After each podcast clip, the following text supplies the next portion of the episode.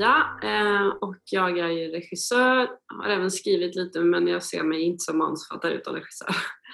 Eh, och jag, vi gör ju det här samarbetet med då SFR, alltså Sveriges filmregissörer tillsammans med Kulturakademin. Eh, och jag vill bara jättekort berätta vad SFR är för er som inte vet. Det är alltså då yrkesavdelningen inom det som tidigare hette Teaterförbundet och som nu heter Scen och film. Eh, och alla ni som är regissörer eller filmarbetar på annat sätt borde gå med i Scen och film. Eh, och, och eh, om ni är regissörer så kolla upp om ni inte redan är medlemmar för man kan få liksom juridisk hjälp och även sånt här, delta i sånt här som vi också, vi har anordnat till exempel workshop i intimitetsregi och sånt där. Så att vi gör lite olika saker. Nu har det varit lite lugnare under pandemin men tidigare har det varit mer liksom fysiska träffar. Jag gjorde den här skolstartssorg och uppsatsen eh, på min master, det var 2017. Eh, och det var liksom utifrån ett behov. Jag har alltid varit så men jag är inte så bra på intimitet och nu ska jag göra en film där jag tränar på intimitet. Och då var, här vill jag göra med barn för att jag ville berätta den historien. Men då kände jag att jag måste bli jävligt bra på det också för jag är bra på att jobba med vuxna skådespelare men hade, jag hade gjort en kortfilm med barn men jag hade ganska lite, det var liksom det. Ehm, så jag ville lära mig så mycket som möjligt så då gjorde jag ju de här intervjuerna och så. Ehm, och jobbade fram en metod. Och sen efter det har jag gjort um, tre kortfilmer som var så informationskortfilmer där det var barn från fyra år till 16 typ. Mm. Eh, och det finns, ju, för det finns ju väldigt många olika liksom, utmaningar och svårigheter med fyraåringen jämfört med en sjuåring jämfört med en tioåring jämfört med en tolvåring jämfört med en femtonåring. Alltså det ger jättestor skillnad i hur man kan jobba och hur mycket de kan lära sig repliker och så vidare. Som både har med personlighet att göra men också ålder. Eh, och sen så har jag gjort en till kortfilm nu förra sommaren som blev väldigt utmanande att göra. Eh, som var med en 11-åring var eller 12, skulle se ut som 10 då. Eh, och vi hade även stora hundar med några scener. Eh, och sen så jobbar jag nu med ett långfilmsprojekt som är tonåringar i huvudrollerna. Eh, och sen så jobbar jag med, jag skulle säga avsnitt på Tunna blå linjen och även där har jag liksom små roller som är barn och tonåringar. Så jag, jag har Eh, jag har inte gjort långfilmen men jag har väldigt mycket erfarenhet av att jobba med barn för att bara gjort en massa kortfilmer. Så jag tror jag kan dela med mig en del. Eh, och jag har ju även pratat med många kollegor. Så. Eh, jag tycker det är den bästa, en av de bästa metoderna för att bli bättre, att man ringer sina kollegor och frågar så här, om jag inte gjort en sexscen så ringer jag fem stycken och frågar hur, hur gör du när du gör en sån scen? Och samma med barn då, så jag pratar med många. Mm. men det här ska bli jättekul. Vad roligt att det är så många som har projekt också med just barn. Yes, då Maria, kan du berätta lite om eh, din process, din regiprocess? Mm. Nej, men jag, det, jag, eh, dels så brukar jag ju oftast så är jag eh, väldigt involverad under manusskrivandet även när jag inte skriver. Så jag har gjort Alltså jag har kommit ganska långt i tanken redan vad det handlar om, både på ett yttre och ett inre plan och så, mm. eh, historierna. Eh, mm. Men om jag skulle få ett manus, eh, liksom, när jag får ett kortfilmsmanus eller långfilmsmanus där jag inte har varit med i processen tidigare, mm. så handlar det väldigt mycket, dels här, um, connectar jag med det här? Alltså på ett emotionellt plan. Det behöver ju absolut inte vara att jag har varit med om samma sak eller så. De flesta grejerna jag har gjort har jag inte, inte liksom historier jag själv har varit med om. Men att jag emotionellt liksom hittar, det är någonting som klick, klickar mm. uh, och att jag känner igen mig på något sätt i det. Uh, det kan vara tematiskt eller någon av relationerna eller um, Ja, så det, det är det. Eh, och sen så tittar jag liksom på vad är den yttre alltså jag, jag, jag har liksom en checklista nästan som sitter och jobbar. Det låter lite tråkigt, lite så här, eh, fyrkantigt men jag liksom eh, jag tittar på väldigt många olika aspekter på både helheten och sen på eh, karaktärer och på scennivå. Mm. Eh, jag tittar, vad är liksom den yttre handlingen? Vad handlar den om på ett inre plan, alltså ett djupare plan? Eh, hur kan jag connecta till det här? Um, och sen tittar jag väldigt mycket på karaktärerna och analyserar alla karaktärer, vad de är vad har de för ryggrad? Alltså vad är det de kämpar mest med i livet? Mm. Vad finns det? Vad, vad, vad, vad, hur, hur förändras karaktären om den gör det och vart och vad säger det? Hur mm. förhåller de sig till varandra? Vad har hänt innan i karaktärens liv? Um, vad är det som står på spel? Alltså det är väldigt, liksom, jag gör en väldigt grundlig karaktärsanalys. Jag tittar även på helhet, så här, vad det finns för element och teman. Så här.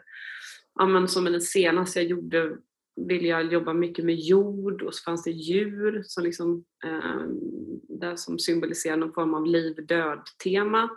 Eh, himlen var en viktig aspekt och det blir liksom viktigt i, i mitt arbete med fotograf. Okej, okay, jag tycker om jorden, vill jag fram. Då kanske vi filmar liksom en del fötter i jord och så. Alltså, så att jag tittar på sådana aspekter också.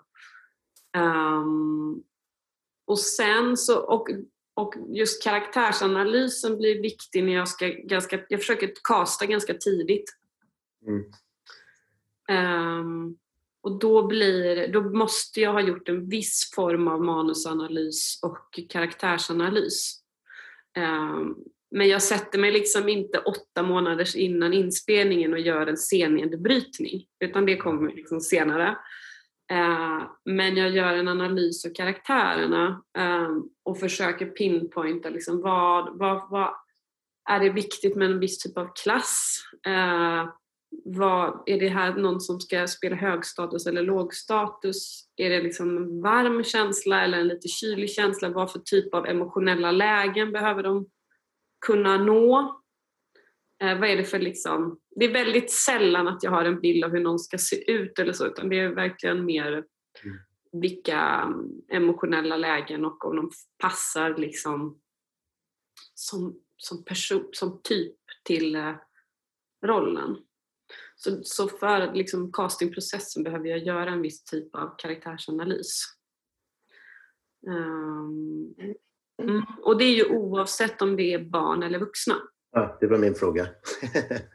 hur, hur min, skiljer din process med barn och vuxna? Men då har du svarat på det. Monica, jag, jag skulle säga att egentligen så skiljer sig inte processen så jättemycket förrän jag kommer till casting och sen liksom hur jag lägger upp repetitionsarbete och Eh, om jag kanske behöver bearbeta manuset för att anpassa det till barn. För ett annat. Mm. Eh, så det, liksom, det kanske skiljer sig, att det blir ännu mer påtagligt när jag jobbar med barn än med vuxna. Men, men själva manusanalysen och mitt förberedelse med fotograf och scenograf är sig väldigt likt. Men jag skulle inte i en kortfilm med en sjuåring bestämma att jag ska ha ett eh, eh, liksom statiska one-takes på scener. För att skulle, om jag inte hittar ett barn som jag verkligen klarar av det. Eh, men generellt så har jag anpassat det visuella utifrån eh, att jag vet att jag ska jobba med barn. Så det det påverkar arbetet med fotografen redan när jag förbereder mig med foto, att jag jobbar med barn. Mm. Uh, Monica, du hade en fråga. Ja, jag hade det, men jag tycker att hon, hon har svarat på det egentligen. Så att eh, det var, alltså, om hon tänker eh, på, okej, okay, det är ett barn som ska göra det här när hon skriver texten, eller om, om du försöker liksom skriva det texten du vill ha, Maria, och sen anpassar du det efteråt. Nej, jag, jag, det, vi, jag jobbar ju nästan uteslutande med min, min kille då, Pelle som även på när Skostars var uppsatt med nätet, han hade han hjälpte mig med barnen så regias. Um, nej, vi skriver det manuset vi är intresserade av att göra uh, och sen när vi har hittat barnet som passar så hamnar man i så här, kommer den här klara av det här? Uh, om svaret är ja, vi kanske inte behöver anpassa så mycket.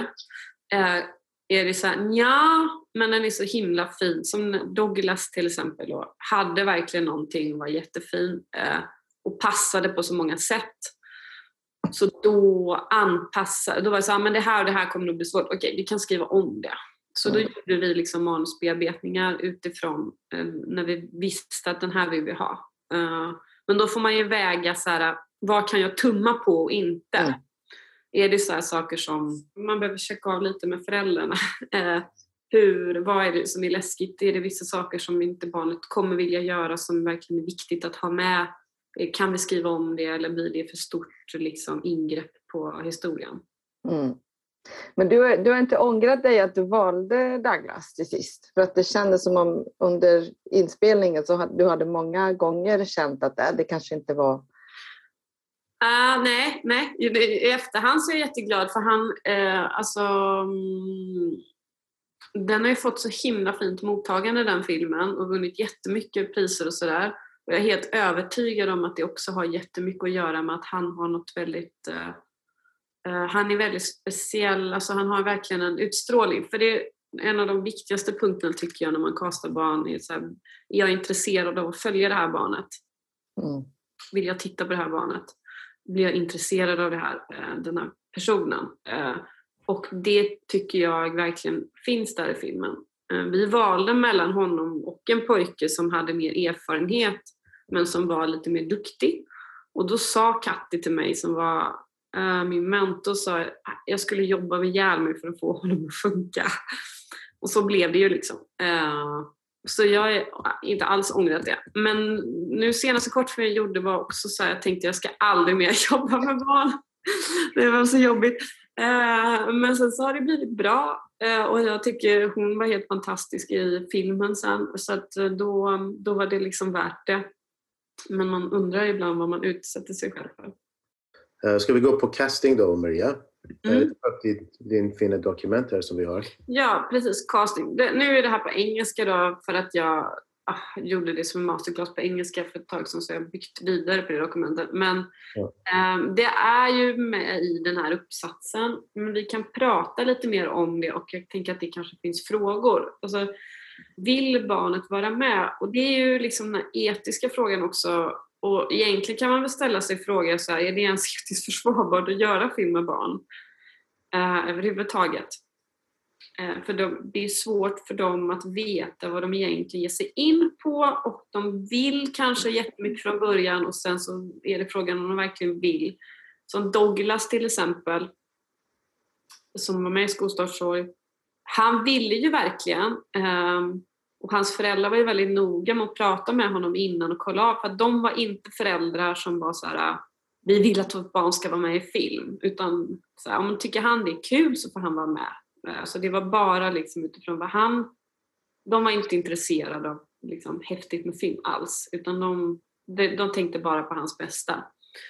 Eh, och Eh, så den är ju så himla viktig men sen så kanske det ändå är så när man börjar filma att barn liksom, det är lite långa dagar och det är inte så kul hela tiden. Och då, då är det liksom, och om barnet egentligen inte tycker att det är roligt att spela, på riktigt tycker verkligen det är kul, då blir det ju väldigt kämpigt. Uh, och det har jag ju varit med om nu två gånger. Uh, mm att barnet verkligen vill från början och man får inte ens en känsla under repetitionsarbetet att barnet inte vill. Och sen så står man ändå på inspelning och känner att det här barnet vill inte riktigt. Och det är jätte, jättekämpigt och det är liksom, och jag vet inte, alltså mitt råd är egentligen så att man kan förbereda sig så mycket som möjligt och i slutändan så går det liksom inte att veta vad som ska hända. Eh, man kan liksom göra alla sina läxor och eh, fundera på alla aspekter men det är, liksom, det är så otroligt oförutsägbart. Så, men den borde väl, där, vill barnet vara med är väl egentligen den första frågan, den borde vara nummer ett där. Och det blir väl ännu viktigare om det är någonting som är, har ett, ett svårare innehåll så de förstår liksom, är det här någonting som jag vill delta i och, och sådär. Mm. Eh, och ju yngre barnet är desto svårare blir det ju att de ska förstå och då blir det ju väldigt viktigt med föräldrarna. Så att, Eh, en av de liksom, viktigaste, såna, jag jobbar ju med kastare eh, som tar fram, liksom, träffar många och tar fram förslag. De, bland de första frågorna är så här, hur var föräldrarna att ha att göra med? Det är både för ens egen skull och för barnets skull. För man har ju träffat föräldrar som kanske är så här, men mitt barn vill jättegärna, och tycker det är så himla roligt och de har tränat och pratat om det och så kommer de in i rummet och känner att det här barnet vill inte alls det här. Tycker inte alls det här är roligt. Tycker bara att det är liksom jobbigt eller läskigt. Så det är en väldigt viktig aspekt att tänka på. Men sen de två sakerna som är exakt samma som att jobba med vuxna är ju så här, passar det här barnet just den här rollen? Och då har jag liksom funderat innan på en manusanalys, så, eh, karaktärsanalys. Passar det här barnet just för den här rollen? Eh, och hur långt kan de gå? Och det var någonting som Sanna sa till mig i kollegalänken, att man ska testa de lägena som krävs i filmen. Alltså de svåraste sakerna barnet ska göra i filmen måste man prova. Och jag har själv skitit i att göra det på casting och har alltid fått problem med det om jag inte har gjort det. Frågan är någonting som ju är väldigt svårt egentligen att testa i en liksom ledsen på mm. Och där har jag varit lite så att jag känt att det här barnet har sånt emotion, liksom emotionellt tillgänglig och vågar så att jag kommer kunna, jag kommer kunna regissera fram det på plats. Men om man inte testar, så jag har liksom testat ilska och allt det där andra, men just det där att få barnet att bli ledsen är ju ganska, liksom, där hamnar man ju i så här, kan jag verkligen testa det här på en casting, kostar det för mycket? Mm. Uh, men att inte testa det, min erfarenhet har egentligen gjort, varit att när jag har haft sådana scener sen så har det skapat en sån prestationsångest för barnet. Okay att veta om att de ska göra den typen av scen, även om jag pratat om det. Så det har blivit ganska svårt. När jag inte har liksom test, alltså test, jag menar inte att de måste gråta, men vågar de verkligen bli ledsna? Um, om det krävs i filmen så bör man testa det på casting också. Mm. Kan jag rekommendera eftersom jag, jag, jag har tummat på det lite själv och det har blivit ganska svårt sen. Eh, men jag, titt, jag tittar liksom på de emotionella lägena och testar då och, och eh, då brukar jag oftast göra specialskrivna scener blandat med improvisation. Jag undviker ganska mycket att använda scener ur manus. Dels för att eh, jag inte vill nöta manus. Eh, det blir extra viktigt tycker jag när det är en kortfilm för man har inte så jäkla många scener och om man har nött ut det på en casting så det är inte så kul att behöva skriva om den scenen på grund av det. För att den kanske har fastnat som ett tuggummi i munnen eller att man, man har nött ut den helt enkelt. För det kan ju vara att man har inne dem och så ska de testa mot olika kombinationer. Eh, så jag, jag brukar be Pelle att skriva scener som är så här, men här jag vill att det ska vara att han blir arg. Då vill jag se en sån scen. Eh, testa det. Vågar han bli arg så får Pelle skriva det eh, och så testar jag det på plats. Jag brukar ha inne dem två, tre gånger. Jag brukar försöka jobba med dem. Så först så tar castaren fram förslag, så träffar jag dem i ett andra eller tredje läge. Eh, och då brukar jag jobba med dem, då kanske jag har inne fem stycken som känns intressanta och så försöker jag jobba och pusha ganska länge för att se om de liksom tycker det är kul och om de orkar eller blir så äh, vad tråkigt måste jag göra igen. Liksom. Mm. Eh, och första castingen som hon har det är ju mer att kolla så här, kan den här passa och så göra något enklare. Eh, och sen andra gången då brukar jag ha specialscen och göra improvisation så jag blandar. Eh, men jag tänker vi skulle ju kunna titta på en casting på både Olle och Douglas. Um, som är från callback. Eh, och det, det viktiga är också att veta vilken roll man ska kasta först. När det till exempel är barnförälder eller syskon och sådär, vilken ska jag hitta först? Så vilken är viktigast? Och här så var det storebrorsan som var viktigast för jag upplevde att han hade liksom eh, en större, alltså han behövde kunna driva scener, han behövde kunna visa många olika känslor så han liksom let, hittade vi först och sen när vi hade honom så, så castade vi eh, småbrorsor mot honom. För det är också, jag tycker att det ger någonting om det finns en viss likhet sådär, rent visuellt. Eh, det måste ju inte alls vara så, men det har jag, eh, vill jag gärna. Eh, yes. Men ska vi titta på, vi kan titta på Olles ehm, casting och det är då en callback och där vill jag se Eh, hur kan, vågar han bli arg, typ? Eh, och jag bad Pelle att skriva in eh, repliker där han sa ”jag hatar dig”. Eh, för att det är så svårt att säga, så här, våga säga ”jag hatar dig”. Eh, kan, han liksom, eh, kan han göra det fullt ut? Så. Får jag fråga? Mm? han fått scenen innan då, övat på den? Ja, det, det som jag tycker med så riktigt små barn, som den lilla killen. Um, det kan vi ta, men vi tar först då med den stora killen. Ja, han hade fått scenen innan. Men, eh, för de var så pass långa och han skulle göra två scener, två specialskrivna scener.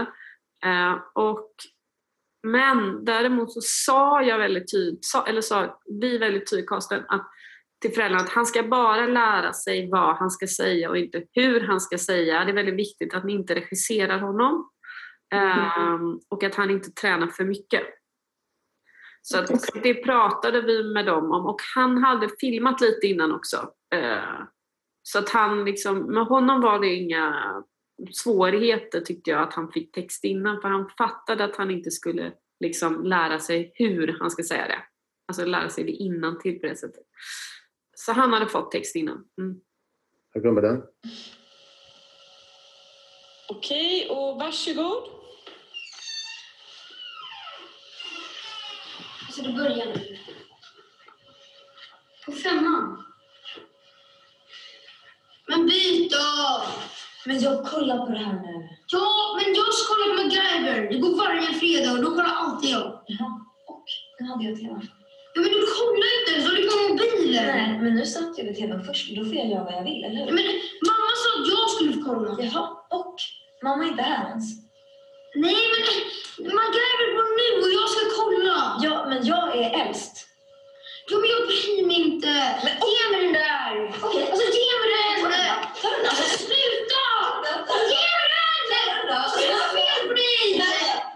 Alltså, jag vet. Ja, sluta! Jag hatar dig! Vad håller du på med? Ge mig den bara! Titta på tvåan. Jag ska titta på tvåan. Nej!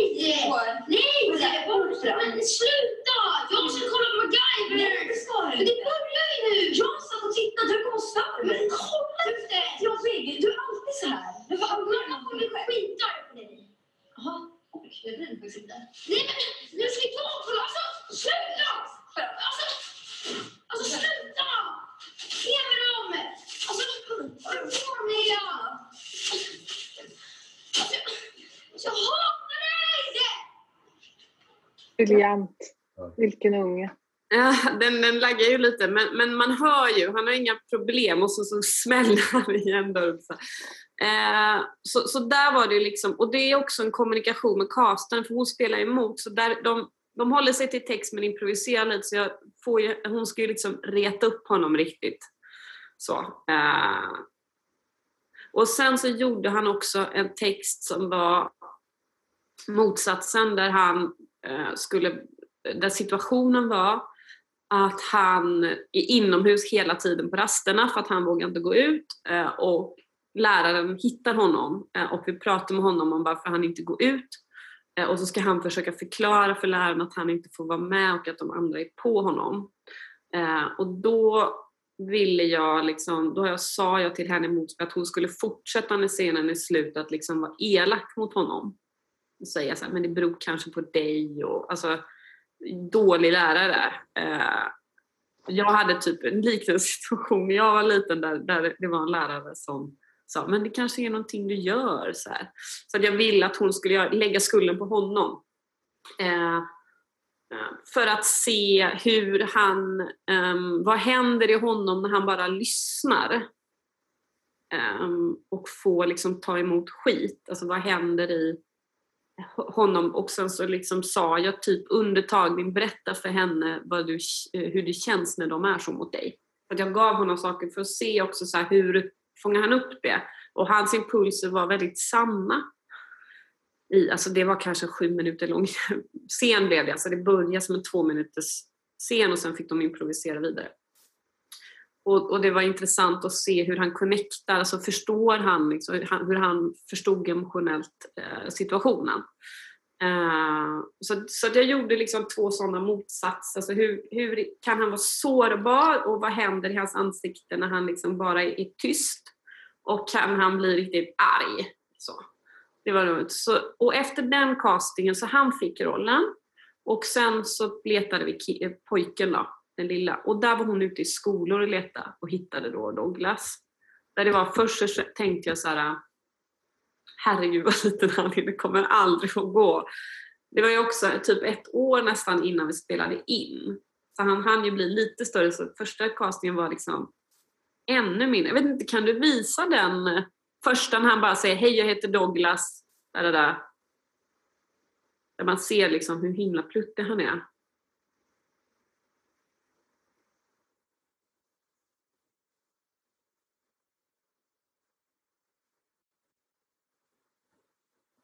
Hittar du den James?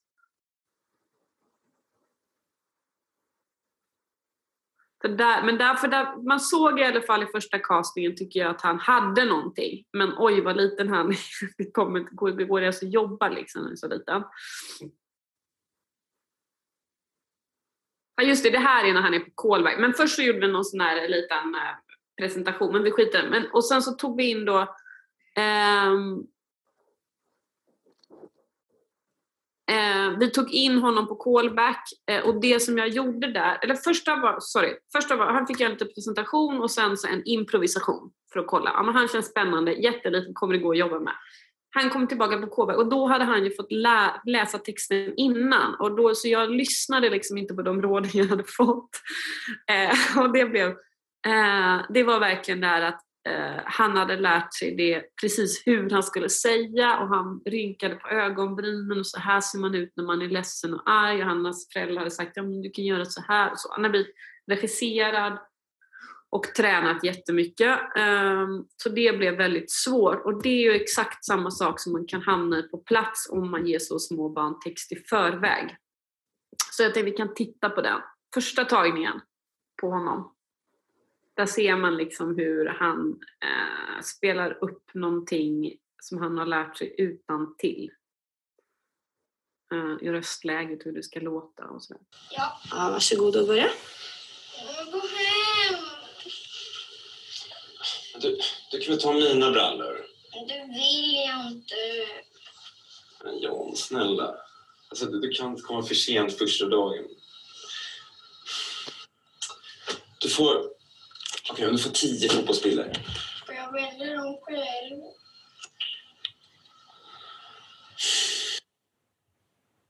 Oj. Nej, men okej då, du får välja. ja.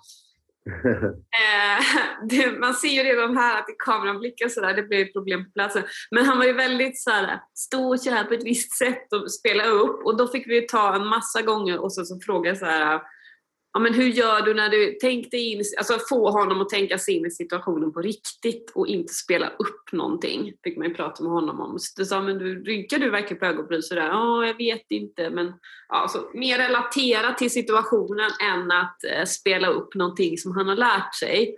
Och det som man var tvungen att göra för att komma förbi det här tuggummi, alltså det låter inlärt, det var att Pelle fick improvisera. Eh, och då blev det ju bättre. Eh, så, och vi kan titta på den. Och det är ju liksom en lärdom sådär att har ett barn lärt sig det innan till, gå typ inte att göra någonting åt nästan. Man måste nästan slänga texten och improvisera den. Och därför är det också lite synd att ta scener från manus tycker jag, så man inte liksom hamnar i det. Utan mm. kanske på plats måste skrivas om. Mm. Det här är väldigt intressant det du pratar om nu för att det känns som om de får inte självklart läsa manus och så. Men, eh, och jag tror att det är svårt för ett barn att avgöra, jag vill inte göra den här filmen för att då kommer jag uppleva så som vuxen, bla bla bla. Alltså det här är så känsligt. Men mm. eh, hur får man hur får man barn att förstå vad filmen handlar om som de kan ta liksom, från deras perspektiv och sen måste de beskydd, vara beskyddade självklart men åtminstone de kan säga nej men jag vill aldrig representera ett barn som liksom, eh, vad vet jag, som sparkar på sin lilla syster. Liksom. Hur, får man, hur hanterar man det? Hur kan man veta, eller få dem att veta vad det handlar om utan att avslöja för mycket? Jag tänker att det handlar väldigt mycket om föräldrarna. Först så får man känna av liksom om föräldrarna är vettiga personer eh, som man känner kommer ta ansvar för sitt barn. Liksom. Som är, där det är det viktigaste för dem. Eh, Det, det, alla gör väl det, men det finns ändå liksom de som på något sätt prioriterar att vara med i en film framför sitt barns bästa. Eh, så det, det är liksom att känna av, är det här personer som tänker på sitt barns bästa främst? Eh, och så eh, får man ha en dialog med dem. Eh, jag låter dem läsa tidigt manuset. Ehm, till exempel så här, först kanske man bara berättar lite kort för föräldrarna vad det handlar om så att de förstår ungefär. Sen så får de läsa manuset också. för att avgöra så kan ju de avgöra så här, men är det här lämpligt för mitt barn eller inte? Ehm, och sen det som jag gjorde med Douglas som är så liten eh, var att jag pratade med föräldrarna om hur de skulle, alltså vi, vi pratade om hur de kunde prata med barnet om, alltså med Douglas om det. Snarare än, alltså det är också så här, jag kan inte, så här, jag vet, jag känner inte det här barnet. Om jag berättar om traumatiska saker i manuset så kanske det blir jätteläskigt för det barnet innan jag lät känna. Så det är bättre att föräldrarna fick läsa manus eh, och jag, jag föreslog för dem, tror jag, att de skulle berätta det som en historia. Eh, eller läsa det högt så att de liksom förklarar och berättar det. Eh, och sen så träffade ju jag, när jag liksom hade sagt att jag vill att Douglas ska göra det här. Eh, och då ville de kolla med Douglas om han vill, verkligen. De berättade manuset och sen återkom de och sa men han vill. Eh, och så träffades vi och fikade och så frågade jag honom, var det något du tyckte var läskigt? Eller så Ja, ah, men till exempel så berättade inte de backstoryn, det tycker jag, det behöver inte han veta vad den här storebrorsan har varit med om exakt för hemska saker utan han har haft det väldigt jobbigt, nu får han inte bo hemma. Eh, det var liksom det och att han tyckte det var väldigt läskigt. Eh, en scen som då i manus skulle vara att storebrorsan attackerar honom för att han har ett trauma och liksom som i trans börjar strypa honom, var det i manus. Och det tyckte han var läskigt men han hade någon så här, men han, han, han eh, är själv, han hade någon förklaring kring han är själv rädd och har varit med om hemska saker så han vill egentligen inte vara dum utan och sen kommer han på att det var dumt gjort. Sådär. Men jag förstod när jag jobbade med dem att dels att det är lite för läskigt för honom eh, och sen att jag inte trodde att han skulle klara av det rent skådespelarmässigt. Eh, en sån scen. Och då, han, då var det så här, men kan vi berätta samma sak fast på ett annat sätt? Eh, och då vände vi på det så att han stod och låtsassparkade storebror som ligger i, i fosterställning och blir ledsen när han tänker på vad han har varit med om. Så att vi bytte på rollerna och Eh, kunde berätta att storebror har varit med om ett trauma i en scen med lillebror men där inte lillebror blir utsatt på det sättet.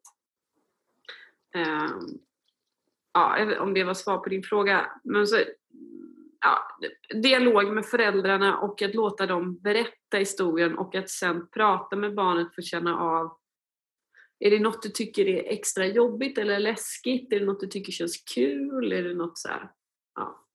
Men fick du prata med barnet ensam också eller när du, när du pratade liksom om temat och, och så vidare eller om, om händelserna? Eh, var, du alltid, var alltid föräldrarna med? Nej, alltså när, jag gör, när jag gör castingen då är ju inte föräldrarna med. Mm.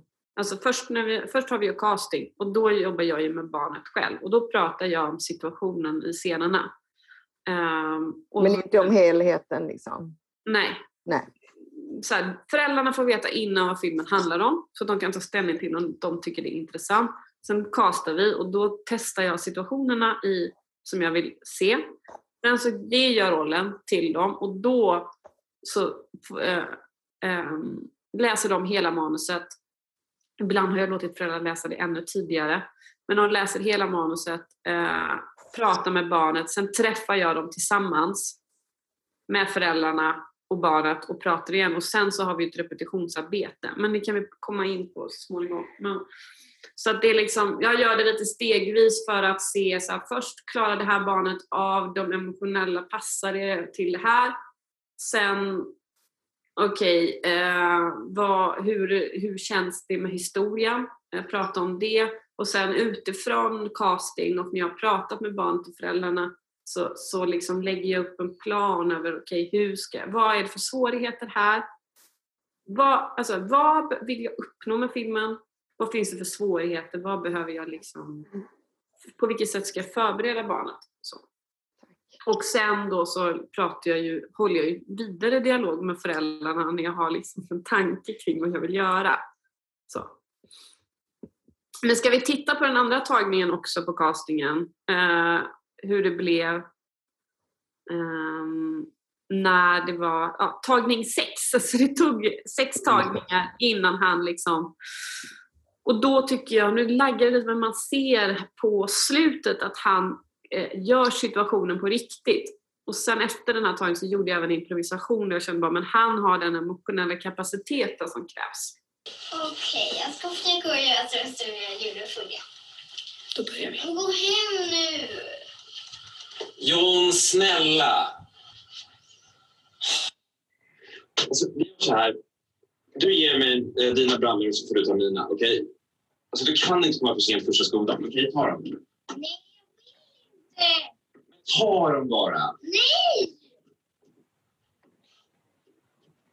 Alltså John, snälla! Sluta bråka nu. Ta bara brallorna. Nej!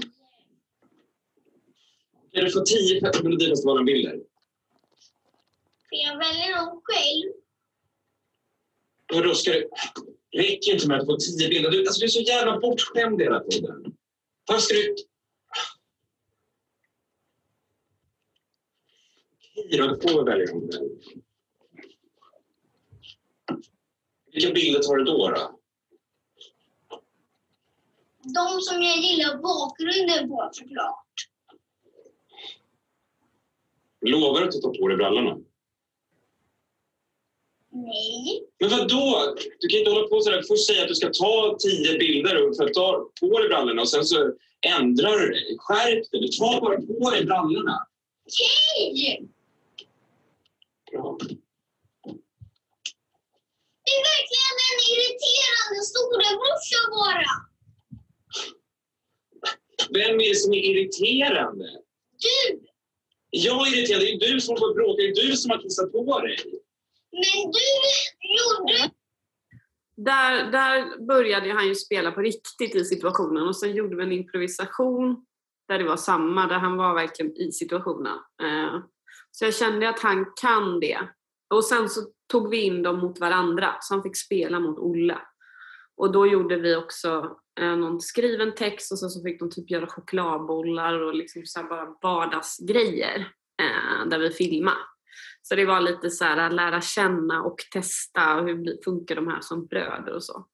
Så det var liksom det som vi gjorde i castingarbetet. Så han var inne tre gånger eh, på provfilmning. Eh, Minka? En reflektion bara. Eh, Den här motspelaren här i sista klippet, Mm, som antar är Pelle då, mm, eh, är ju också verkligen i eh, nuet, i stunden. Och eh, bara om du kan säga någonting kring barn. Alltså krävs det nästan alltid en person, en motspelare som kan, så att säga, som har den kapaciteten för att få fram det i någon som inte har erfarenhet. Nej, alltså jag, jag, jag skulle inte säga att personen behöver vara bra. Nu är ju Pelle ganska bra här när han spelar mot. Eh, men jag har jobbat med en castare eh, mycket också med att casta barn som egentligen spelar ganska dåligt men hon vågar pusha väldigt mycket så att hon kan verkligen liksom stå och skrika på dem om det behövs. Mm. Eh, så den, motspelaren behöver kunna hjälpa till att pusha spelet. Mm. Sen behöver de inte spela bra. Men de måste ju liksom, alltså de kan inte bara läsa en text. För det är så här, du, du, du, han, han, och det är ju, han reagerar ju på vad han får. Mm. Eh, som Pelle höjer rösten så höjer han rösten. Så det är ju det man, man får ju använda sin motspelare för att liksom se hur kan jag och det är ju samma sak sen när man regisserar, att man kan använda motspelare. Eh, så ja, det bör vara någon som, som, som, man kan, som kan trycka på vissa knappar. Klara? Ehm, var det någon anledning till, eller såklart det var, men att du började castingen ett år innan? För att man pratar ju ofta med, om att kasta barn och unga inte för långt innan inspelning. Att de kan ju ha tröttnat. Ja, alltså det var kanske inte ett år innan riktigt. Det var, alltså jag Nej. tror det var, han var inne i typ så november, december, januari. Det var lite utdraget liksom. Mm.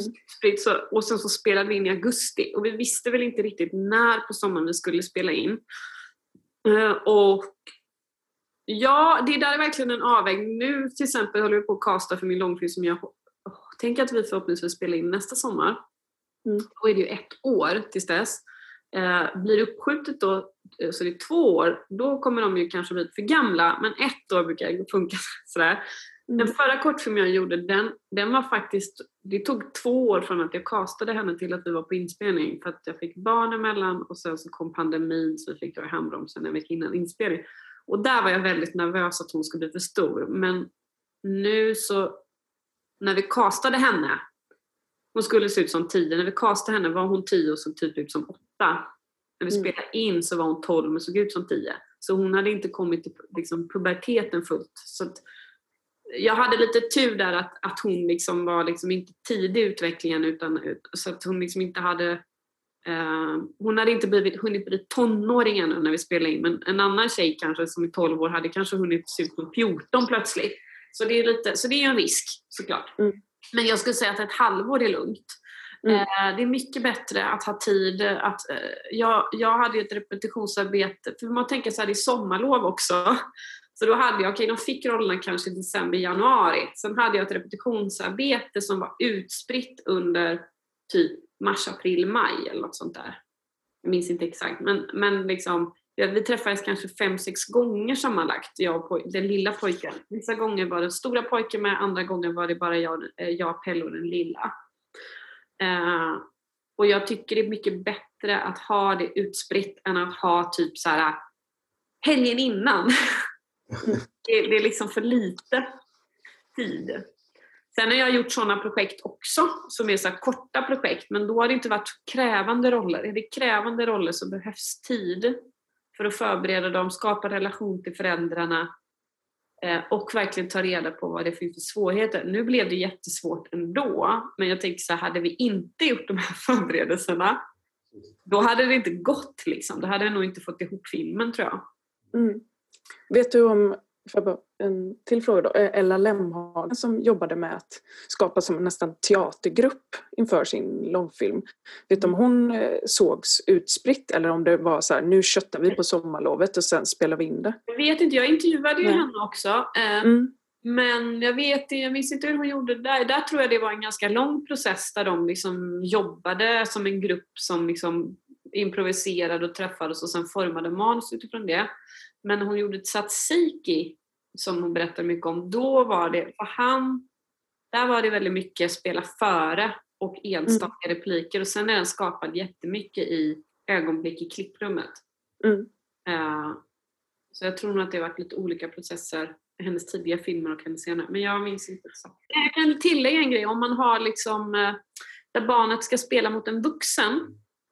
Eh, som den senaste jag gjorde, då var det en tioårig flicka och så skulle det vara hennes pappa och de hade väldigt svåra scener ihop. Eh, och då så valde jag henne först och sen så fick hon spela mot tre olika pappor, möjliga pappor. Eh, så att även om eh, liksom, de var jätteerfarna skådespelare och hade, kun- jag hade kanske kunnat ge dem rollen baserat, alltså för huruvida de skulle passa för rollen. Men jag måste, och det är också en bra ursäkt om man vill provfilma någon som är jätteerfaren, för man vill ju egentligen testa och jobba med den själv också. Se, funkar vi? Kan jag kommunicera med den här skådespelaren? Det kan ju vara svårt att provfilma vissa, liksom, i alla fall för en kortfilm om de är jätteerfarna. Men då är det ju bra så här, ja, men man måste testa med barnet om det funkar eller inte. Det är liksom, annars kan det vara så kommer de på plats och så tycker de det är en jätteläskig person eller den här luktar illa eller vad som helst. Alltså, så det är viktigt också. Bra. Ehm, jag- Kan jag bara fråga en sak som gäller finansieringen av um, alltså repetitionsarbete? Eh, det här förberedande arbetet eh, och att det får ta tid så att säga när man lär känna barn, man testar, man repar. Hur, hur har ni finansierat det? Alltså man kan väl säga rent krasst med göra kortfilm så tjänar man ju typ inga pengar som regissör. Det blir till slutändan ändå att jag har satsat mina pengar för att jag vill att den ska bli bra. Sen Ja. gjorde jag ju, skolstartsår gjorde jag ju som en del av utbildningen. Så där, och det gjorde ju både Pelle, jag och Farima som var producent. Så Mm. vi, vi skulle ju inte ha lön eh, på det sättet. Men, men rent, nej men, men barnen fick en slant för, för det ju. Ja. Inte jättemycket men en slant. Och sen när jag jobbade med vuxen skådespelare då fick ju den enligt TFs liksom minimum för, för repetitions, alltså inställelse utan scenmedverkan. Så, att, så det är finansierat och det skriver jag med i projektbeskrivningen hur jag vill jobba så att jag motiverar det. Mm. Jag, kan, jag på en kortfilm har inte fått extra pengar för det men, men, men det är klart att man, man ska kunna motivera det. Ja. Eh, Så jag brukar ha med det i min projektbeskrivning. Jag beskriver lite kort min metod och varför det är viktigt. Mm. Jag bara undrar väldigt kort, hade du en plan B om det inte skulle funka när du väl kom till inspelning för de här barnen? Nej. alltså, Hur tänker man där när man castar liksom? Nej, alltså det är ju så med barn, man kan säga så här, man hittar den och man har inga andra alternativ. Alltså med vuxna skådespelare så är det så här, men då kan du ta in någon annan om någon blir sjuk. Alltså, Mm. men med barn är så här, eh, när du har, det är jättesvårt att hitta den som passar och när du har hittat den då är du har liksom inte tre andra möjliga. Nej det hade jag inte, men jag hade ju en sån situation i somras, eller förra sommaren då, där barnet ville åka hem eh, och inte vara med, alltså dagen innan, kvällen innan inspelning. Och då hamnade vi i en dialog, jag, producent och förälder, hur ska vi lösa detta? Och då blir det ju en fråga om försäkringar och sådär. Eh, Mm. och då måste man ju, för att försäkring ska gälla i så fall, då måste man ju ha läkarintyg och man måste också visa att man har gjort alla möjliga, eh, alla möj, möjliga, man har gjort allt man kan för att göra filmen ändå. Mm. Eh, Då, hamn, då började vi titta på, okej, vilka castare kan vi ringa för att bara få liksom in någon annan som har gjort film. Mm. Och sen om hon passar för rollen eller inte. Vi, men vi måste leverera en film. Så Mm. det skulle, sen så, sen så med psykologi och liksom samtal så löste det sig. Eh, men där var det ett sånt läge. Eh, där vi hade, hade det inte löst sig så hade vi behövt försöka ta in någon annan Mm. och göra filmen. Annars Och då var det ingen, ingen repetition, det var, det jag tänkte. Liksom. Det, det Nej, måste vara ett skarpt läge. då var det bara, och då hade man ju bara fått göra, filma, filma filmen så att man hade, annars hade man ju blivit återbetalningsskyldig med stödet. Liksom. Det hade blivit ett jätteproblem. Ja. För det är ju massa kostnader som redan ligger ute och så. Eh, Så nej, ingen plan B, men det hade man behövt göra då, en, skapa en plan B i så fall. Det här med att barnet ska orka. ehm, har du fått ha kortare arbetstider? Det känns ju helt befängt att ha åtta timmar Mm. med barn. Ja, Det nu- knappast. Det finns ju regler kring det, det kan Mm. du säkert bättre än mig James, jag glömmer bort liksom. Men ja, eh, det är vissa, man, det, eh, man får bara ha ett visst antal timmar, det är beroende på ålder. Man får inte jobba åtta timmar med en sexåring. Nej, Mm. vi jobbade fyra timmar och ibland, eller fyra till sex. Ibland uh, dispens också man kan söka. Um, beroende på vad det är för något. Men vi hade korta dagar. Vi hade 80 timmar men vi filmade mest, om jag kommer ihåg, väldigt uh, free handheld. Men Ja. uh, också att vi hade andra scener vi gjorde efter. Vi planerade på det sättet. Ja, det blir ju väldigt viktigt att man är, förbereder och gör allting man kan göra som inte involverade det yngsta barnet eh, innan. Eh, och att det barnet börjar jobba, alltså att den inte ska vara på plats när teamet är på plats. Liksom. Nej, nej, nej. Eh, Så man måste planera det som använder så, och sen finns det någonting man kan göra med den andra själv. Som det är slutet så är det, det, är en väldig utmaning när det är barn i huvudrollerna och det är två barn som spelar mot varandra. Ska man ha två sjuåringar mot varandra då finns det kanske ingenting man kan filma utan den. nej. Men, men Olle var ju lite större så vissa saker kunde vi göra med honom eh, innan eller efter Douglas. Precis. Men även sånt som, förlåt, eh, även sånt som rep med text. Eh, då ingår det också som en eh, arbetsdag. Ja, ja. Ja. Mm. Eh, Hela också hjälpte till med det.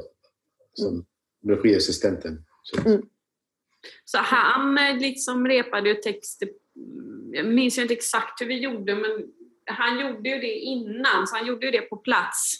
Men det var ju inte så långa scener oftast eh, och sen sufflerade vi en hel del. Ehm, Men, men eh, det, det, det, liksom, vi var, han, han kunde inte lära sig repliker i förväg, det gick bara inte, det blev jättedåligt. Eh, Så då, fick man, och då får man ju planera in det. Men jag tänker så här, något mer med casting man ska titta på. Just det, det här med att orka. Det är vi inne på nu. Och det är ju svårt att veta innan. Det vi gjorde var ju att vi repade ju så här i förväg typ två timmars pass och sånt. Alltså inte två timmar i sträck för man måste ju ha paus i. Men vi liksom umgicks så pass mycket med honom och då märkte man ju att det var svårt. Men det gick liksom. Men, men, så det är, ju, det är också helt omöjligt att veta om det inte är ett barn som har filmat innan. Och vilket de flesta kanske inte har. Eh, så det är bara först när man har haft en hel arbetsdag som man vet om det.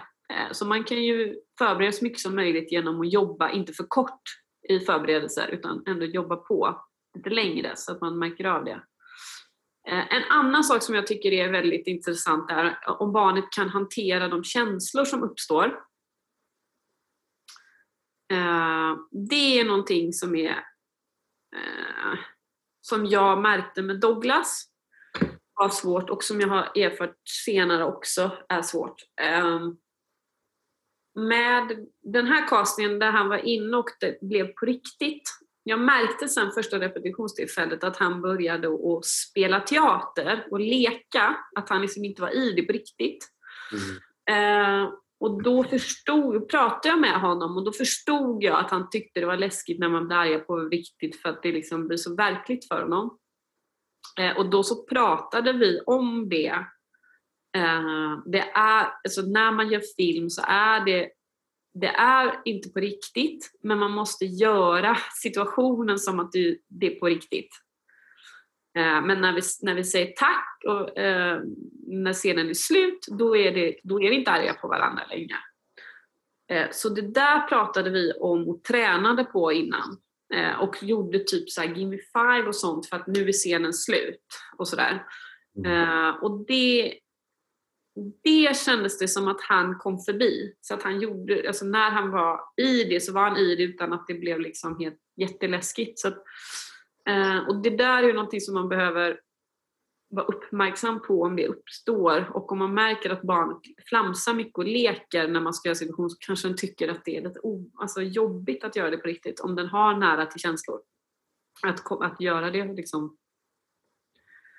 fullt ut. Så att, eh, men jag tror ju att med de flesta barn så kan man ändå prata om det till viss del och sen träna på det och att om man, den som spelar mot verkligen förstår det. Och vi hittade på ett ord som heter lossrikt, alltså bara låtsas fast på riktigt och sådär. Man får hitta sina knep. Men det är en fråga. på. Mm. Eh, när du sa vi repar ungefär kanske två timmar så menar du inte att dagen startar och sen så det här ska vi göra idag och så repar ni allting så på morgonen och sen så fortlöper dagen som den är utan för Nej. varje scen så repar ni några gånger och så bara, ja men nu tror vi, nu kör vi. Ja, nej, det, jag det jag menade med två timmar var så här i förväg, i förberedelse, så kanske två veckor innan. Sådana tillfällen så försöker jag då att jobba så att vi kanske har ett två, två och ett halvt timmars pass eller något sånt där, där vi gör scen, tar en paus och så jobbar vi med en scen igen. Där vi tar Mm. många tagningar för att se om jag kan göra många tagningar så jag inte bara har gjort en casting där han gör tre tagningar, får han rollen och sen så bara "Ah, Ska vi jobba över en timma? Nu är det ändå svårt med sjuåringen att jobba så bara sex timmars dagar. Det är ju liksom långt för en sjuåring. Ja. Men, men man kan ändå liksom försöka så gott det går att testa om de orkar jobba lite längre. Yes. Veronica, du hade en fråga? Ja, eh, det kanske blir lite passé nu, men du pratade innan om eh, eh, när det var på sätt att man ska försöka ha allting förberett så mycket som möjligt. Jobbade du, eller det kanske inte fanns utrymme för det, men hade du rekommenderat att använda typ en stand-in, alltså försöka att fuska det när man väl filmar? Om man har ett, ett litet barn och kanske två äldre barn eller vuxna eller whatever, att man kanske gör att ja, men vi låtsas att det här är den personen, vi gör den over the Mm. shoulder eller någonting. Ja, Eller-. Det är nog bra. Det, det som vi hamnade i förra sommaren var att det var ett barn som inte tyckte det var kul längre. För att det visade sig att det var jobbigare eh, än vad som både vi och föräldrarna blev förvånade. Men det var saker som hände i det barnets liv just då som liksom gjorde det svårare. Eh, med sjukdom i familj och sådär. Så, att, så att det var liksom en cocktail och hon hade börjat bli, bli äldre och sådär så det var en cocktail saker som gjorde det svårt. Och att hon inte riktigt ville och tyckte det var jobbigt för det var svåra scener. Pappan skulle vara alkoholist och arg och sådär. En del scener. Och det som, då får man ju lösa, hur löser man det? En sak var då att till exempel ha in, vi hade, vi, när det hade statister en dag så hade vi in det som stand-in på rygg typ. Eh, och sen så gjorde vi att någon annan fick spela mot. Eh, till exempel scen med pappan där han ska skrika på henne. Så när vi tog hennes bild så bad jag Torkel, motspelaren, att hålla nere det lite. Så att inte han blev fullt så arg. För att det var ändå liksom lite läskigt. Eh, och sen när han skulle göra det fullt ut och verkligen bli jättearg, då tog vi in någon eh, i teamet som satt ner och spelade mot och sa repliker. Eh, Eh, Så, så gjorde vi liksom stand-in så att när det var liksom väldigt svåra scener där man, där man ändå ville lösa det i skott mot skott så, så bad jag skådespelare hålla tillbaka och sen kunde han köra fullt ut när någon annan satt där. Sen hade vi någon scen där de båda var med och gick det ju liksom inte att göra så. Eh, och då, eh, det vi gjorde var att ehm, hon tyckte det var jobbigt med repetition. Då gjorde vi så att jag spelade i repetitionen och hittade scenen med skådespelare och sen visade jag för henne och spelade upp exakt hur hon skulle göra. Wow. Så att vi körde direkt med kameran rullande när hon körde så att vi inte körde som onödigt många tagningar och sådär. Så, och det är typ så här, spela aldrig före, det är det sämsta du kan göra. Men så hamnar man i en situation där kanske det är det enda sättet. Mm. Så det är Men du körde mycket reset, liksom, att man liksom bara körde, för det skrev du också i din uppsats, att du gjorde mycket, alltså du gjorde långa tagningar och så gör vi om scenen igen och så gör vi om scenen Mm. så det inte blir tack nu och sen slutar vi och då måste det- in igen. det är ju att föredra tycker jag. Eh, att, att rulla på för att det liksom kan bli lite svårt att få flöde med barn och annat och att det är bättre kanske med, i alla fall med väldigt små barn att regissera under tagning Mm. och att jag spelar med en viss energi ifall jag vill få en viss energi. Eh, men sen kan det ju vara som ett annat där det är liksom jobbigt att det är för många tagningar rätt. Då får man känna av, kommer det här barnet orka det? Då kanske det inte går. Då kanske det är så här, ja men det här barnet kanske orkar tre, fyra tagningar. Jag måste värma upp då scenen och sen in med barn. Och det funkade för att jag hade förberett henne på andra sätt så när hon väl körde var hon väldigt bra. Så att, så att jag behövde inte, hon kom ihåg repliker och spelade jättebra när hon körde. Men det gick liksom inte att köra så här att möta. Så det är verkligen så här, eh, allt beror på. Mm. Det beror på självklart. situation och vilket barn det är. Mm. Okej, Tack.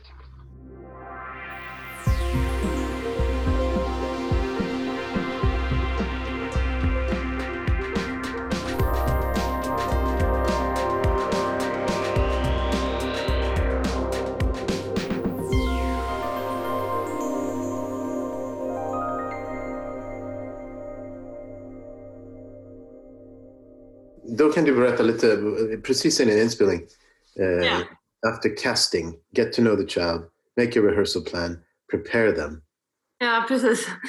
Eh, alltså, jag har ju pratat lite om det redan, att jag, liksom, jag pratar med föräldrarna och barnet och försöker lära, det är då att lära känna barnet för att kunna avgöra vad jag behöver göra ungefär. Sen så kommer ju den behöva modifieras utifrån vad jag upptäckte, upptäcker under repetitionsarbetet.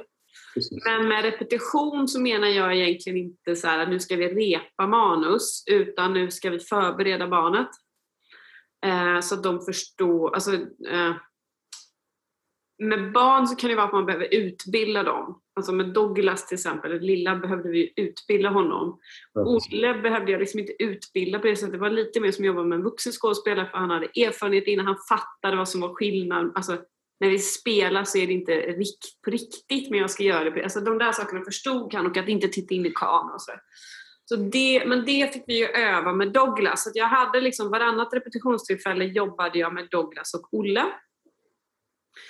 Eh, för att liksom jobba med relationen och eh, hur man kunde jobba med dem ihop. Och då upptäckte jag till exempel så här, ja men så här, hur, kan vi, hur kan han lära sig text och hur mycket text kan han lära sig? Det blev en sak att undersöka.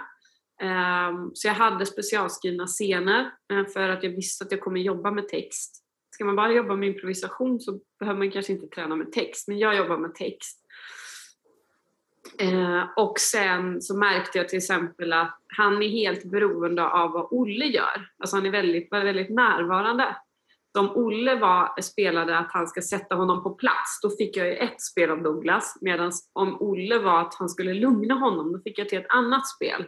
Så jag förstod också då att ja, men jag kan liksom påverka Douglas spel med hjälp av Olle. Ehm, så, och så, och om det hade varit en vuxen skådespelare hade man kunnat göra det eh, jättemycket också. Men och Olle tog ju väldigt mycket ansvar sen på inspelning och hjälpte ju till med Douglas. Eh, så, och sen så upptäckte jag till exempel, han var ju ganska flygig så här. Det är också det som är fint i filmen, att han är liksom så här eh, som barn är. så. Eh, men det kan ju vara svårt att börja en scen med att man liksom koncentrerar sig på helt andra saker. Så då så upptäckte jag också så här, ja men vi håller händerna innan och tittar varandra i ögonen och så här, nu kör vi. Sådana saker eh, jo, upptäckte att Pelle kunde göra på repetitionsarbete, under repetitionsarbetet och sen så bad vi Olle att göra det på plats. Så här, Olle brukade göra så innan, så här, nu kör vi. Så att han liksom var så okej, okej, att han var närvarande. Sen kunde han ju i scenerna falla ur och göra något annat. Men det är också det som är fantastiskt med barn, att en vuxen skådespelare, när de faller ur så kan de behöva bryta liksom, för att de blir så koncentrerade över att de missade en replik eller så här. Medan ett barn så kan liksom falla ur och sen vara helt närvarande i nästa ögonblick. Så därför är det bra att låta det rulla så har man de ögonblicken. sen. Men så att repetitionsarbetet blir liksom, och det, så då skriver vi specialskrivna scener utifrån vad jag tänker att vi behöver träna med dem. Yes. Och det är mer backstory-situationer. Alltså vad kan ha hänt innan filmen börjar? Så här, hur såg deras relation ut? När de pratade om mamman, vad pratade de om då? Det var så en situation till exempel eh, där mamman inte kommer hem. Eh, och det är jättesent och storebror är orolig över vad mamma är. Eh, och då så vill storebror att hon ska gå till mormor. Han vill gå till mormor och leta och lilla pojken vill inte följa med utan han vill, eh, han, eh, han vill inte stanna hemma ensam för han är mörkrädd och vill få följa med. Så att en sån typ av situation som skulle kunna ha varit innan filmen, liksom, som berättar om relationen och deras familjesituation men som vi använder också för att liksom, träna tillsammans. Ehm, Och när du, när du skriver prepare them, hur, hur ja, det är själva repetitionsarbetet, alltså förbereda, typ så här, ja, göra den typen av eh, skrivna scener. Ehm, vi gjorde även improvisationer liksom där de bara ska ja, typ så här, göra, göra chokladbollar tillsammans. Kostymarbetet är också en viktig del. Testa kläder. Prata, alltså med, mm, med stora killen så blir förberedelser också att prata om manus. Fråga så här, hur kan du relatera till och sådär. Det gör jag ju inte med den lilla killen på samma sätt. Jag tycker inte han behöver fundera så himla mycket på vad filmen handlar om egentligen. Det kan bli lite intellektuellt och lite liksom det räcker att föräldrarna och han pratar, vi pratar om det lite i början, sen tycker inte jag man behöver, sen är det mer situation för situation. Medan den större killen tycker jag det var bra att prata mer om vad som har hänt innan. Eh, hans karaktär då. Eh, och så. finns det för, några frågor på det? Eh, du pratade innan om eh, alltså att du måste utbilda barnet, utbilda dig själv i förhållande till barnet. Eh, och det är väl ungefär det du menar med de här tre punkterna, tänker jag. Alltså det är det som är utbildningen. Ja, exakt. Och till exempel som Douglas, där märkte vi att han tittade i kameran. Men, och då jobbade vi med det, men det var ju en liten kamera. Sen så när vi var på plats var det en stor kamera. Då, då blev det svårt ändå. Men så jag liksom, eh, och till exempel så här, hur ska vi träna text? Det är att utbilda barnet. Så här. Och att lära barnet att det här är på låtsas men du måste göra det på riktigt. Men när tagningen är slut, då är vi glada. Alltså, den, alltså att förstå vad film är. Fick han se, eh, när du spelade in, fick han titta vad du hade spelat in för att liksom förstå det här är film och det här är liksom vad vi gör? Nej, nej inte, inte på plats. Jag, jag, jag, det är lite olika. Jag tror inte att det är så bra att de tittar på tagningar och sådär. Um, det är redan lite för intressant med alla teknikprylar och så. Uh, nej, men däremot så pratade vi om filmer. Han, han tänkte ju att filmen var på riktigt och så från början. Så, så det, utgångsläget var ju liksom att man måste förklara vad film är. Så. Exakt. Mm. Okej. Okay. Och har du aldrig tänkt att du skulle använda två kameror för att kanske fånga? Eller det kanske är någonting som du kommer in på sen?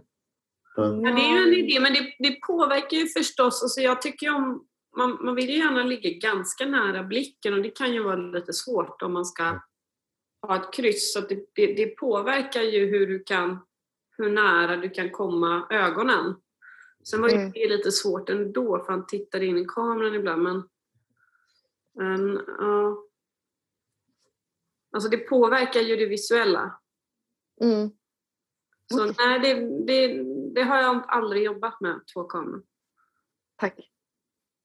Yes. Det kanske är en jättebra idé med barn, men det påverkar ju. Ja. Men, men, man kan säga på inspelningen, det är en som, alltså bland de viktigaste saker är ju vilka man har runt sig, alltså ens team. Um, att man har då antingen en regiassistent eller en guvernant som liksom är bra med barnen men som också kan, som är in, alltså som kan ta ett ansvar och initiativtagande. Så att, för att jag har gjort något annat med som var liksom informationsfilm där det var väldigt korta puckar och då så var det så här, men produktionsledarens systerdotter skulle tycka det var kul att ta hand om barnen i pausen. Exakt. Och det blir liksom ingen hjälp för då var det bara att hon kom och frågade mig vad ska jag göra nu eller hur ska jag göra nu? Så då blev det som att bara, det blev, det blev en belastning istället för hjälp. Så även om det är en person som är jättefin med barn och kanske har passat lite barn så är det inte alls samma sak som att ha hand om barn på en inspelning. Man måste ha en man måste ha erfarenhet av att vara på inspelning. Och att det är väldigt bra, tyckte jag, som här, att Pelle var med under alla repetitions, all repetitionsarbete i förväg. Eh, och det var ju det manusförfattare, så han kunde ju dessutom skriva om scener utifrån hur han märkte att Douglas pratade och vad, hur mycket Douglas klarade av. Så, så att vi, han kunde ju anpassa manus, framförallt dialog, liksom, man, vi märkte till exempel att ja, men Douglas säger, kan inte säga, han pratar ganska korta meningar men han kan sen babbla på. Det hade vi med. Men det var liksom inte så, han hade lite mer långa meningar i repliker först. Och det justerade vi utifrån hur vi märkte att han pratade. Eh, men så den personen blev väldigt viktig, eh, den som har hand om barnen. För den ska ju också träna repliker och att den liksom klarar av att göra det. Eh, och att påminna om regin och då kan det ju vara viktigt att det är någon som förstår också vad som vad som är viktigt i ens regi. Alltså att jag säger vissa saker och att då fick jag han upprepa det innan tagning ofta. Eh, och att det då liksom är någon som har en förståelse för vad som var viktigt i den där regin och inte liksom allt eller missa det viktigaste. Så. Och sen så eh, FAD blev väldigt viktig, James. Um, vi hade ju till exempel mot slutet av inspelningen att, att Douglas egentligen tappade respekten för både mig och Pelle till slut och inte lyssnade på oss. Så då fick ju James kliva in och så nu ska du göra så här och nu ska du göra så här. Uh, så att det liksom det kan ju hända saker som gör att någon annan behöver vara den som kliver in och bestämmer. Och därför är det också viktigt som regissör att man kanske inte är den som tar hand om barnen mellan tagningar för att man behöver kunna vara så här, nu ska du göra så, nu ska du göra så. Alltså arbetsleda. Jag bara satt och tänkte på när man har varit på inspelning och man inte har varit liksom inblandad i, i, i liksom skådespelet eller barnen. Så här, hur man, hur man ibland känner att man kanske vill liksom så här, kliva in och liksom peppa barnet eller så här, prata med barnet så här, eller om man ska hålla sig borta liksom, och mer känna att det där är inte min roll liksom, den här gången. tror att det kan bero lite på också, det kanske du har lite tankar om just för som har jobbat som FAD på olika, men, men jag minns ju på skolstartsår i alla fall så pratade du med teamet om att liksom inte hålla på och ge uppmärksamhet hela tiden till Douglas, för han var ju lite så uppmärksamhetssökande och tyckte det där var kul. Mm. Alltså att man skulle lämna honom i fred, alltså man måste ju prata med barnet, men att liksom han, det var bättre att ta honom till en egen hörna därför han fick varva ner än att man skulle hänga med honom hela tiden och så, andra personer, eller snacka med honom. Ofta så fick vi börja med lilla Douglas eftersom dels att han kanske är bäst i början och tröttnar och det blir otacksamt för den äldre men han kunde ju ändå liksom typ skärpa sig och liksom ge det där lilla extra. Eh, och det gjorde, Douglas ansträngde sig ju verkligen men han blev ju trött liksom. Eh, och eh, det där färska liksom blev bäst i början med honom. Så att ofta så, en sån sak, det börjar med honom eh, och sen med Olle så kunde jag liksom lite mer pusha spelet. Alltså att jag regisserade honom verkligen. Medan med lilla killen är det mer att fånga det som känns autentiskt. Så. Eh, och, men sen rent regimässigt, så, alltså den instruktionerna som jag ger är ganska likt som när jag jobbar med vuxna. Alltså så här, det här är situationen, det här har hänt innan, nu vill du göra det här. Så, eh, så det är ju väldigt samma. Eh, men sen så låt, lät jag det rulla mycket eh, och regissera under tagning. Du, säg den här igen och säg det så. Och så här. Alltså spela före i hur min energi är. Och man kan liksom inte sitta bakom monitorn och så här ropa eller vara, bara vara, vara liksom low key hela tiden utan man måste med så små barn liksom eh, gå in i så som man vill att de ska göra lite mer. Upplever jag. Eh, man, nästan som att spela före i sin energi. Eh, och sen eh, sufflerade vi ganska mycket. För det var ibland det var långa scener eller han skulle ha flera repliker där han glömde. Han kunde ju komma tillbaka bara han fick replik men när man märker att nu börjar han glömma så fick Pelle liksom säga. Så det gjorde vi en hel del. Ehm, och sen kunde det vara så här att han tittade in i kameran. Jag vet det var någon så här där han skulle se och eh, se ut som att han var uttråkad och bara titta ut i luften. Och då började han ju blinka med ögonen jättemycket. Då så fick han instruktion, du ska titta på mikrofonen hela tiden och följa den. Så att man kan ge något väldigt specifikt att titta på sådär. Och sen om man jobbar med vuxna så kan man ju använda den vuxna väldigt mycket för att påverka spel också. Alltså om man vill att barnet ska bli mer ledsen så kanske man regisserar den vuxna så att den, Du kan ju säga till den vuxna, sen kommer i din bild så behöver du inte säga de här grejerna men kan du liksom improvisera och, och pressa honom mer ifall man vill ha fram mer så man använder det. Så som på casting egentligen, att man använder den vuxna för att pusha. Riktigt så fri var jag inte att använda Olle för det känns ändå som att det kan bli lite förvirrande för ett barn att ha den rollen, att pusha spelet. Eh, men det kan man göra på ett annat sätt tycker jag med vuxen skådespelare. Jo, nej, men jag tyckte det var väldigt intressant att läsa i uppsatsen hur du, James och Pelle liksom fick eh, inta olika roller för att lösa en problematik som uppstod. Ehm, och där kändes, alltså när man läste det bara så kändes det som att ibland så blev liksom personregiansvaret lite flytande. Eh, och jag undrar om ni kan prata lite om det. Alltså var det någonting som, som var en sorts liksom prior, eller vad heter det, tidigare överenskommelse eller uppstod den liksom på sätt? Kanske också hur många liksom regissörer kan ett barn hantera? Eller hur många... Ja, en bra fråga. Jag tror nog att det uppstod utifrån att det var så pass svårt bara. Mm. Alltså att det blev, alltså det är lite så lösa dag för dag. Mm. Eh, och det som uppstår, alltså det som funkar för stunden. Sen är det ju också så här att eh, man är också lite olika personligheter och det var en pojke, jag tänker att han också kanske hade en respekt för James som liksom han ser leder teamet.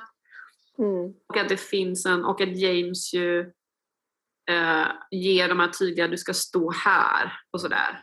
Mm, mm, mm. Jag bara tänker att eh, jag tänkte för, för man vill vara eh, som, en, eh, som en pappa, du vet. Men eh, när man gör sitt jobb på riktigt då måste man vara tydlig med alla ramar och sådär. Men när man ser att han behöver någon att bara säga till honom. Mm. Eh, för han testade jättemycket olika personer hela tiden. För mitt jobb mest går ut på att skapa en plats för regissören och i, i, i det här fallet var skådespelare.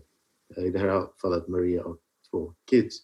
eh, att hitta den eller bygga den världen som behövs.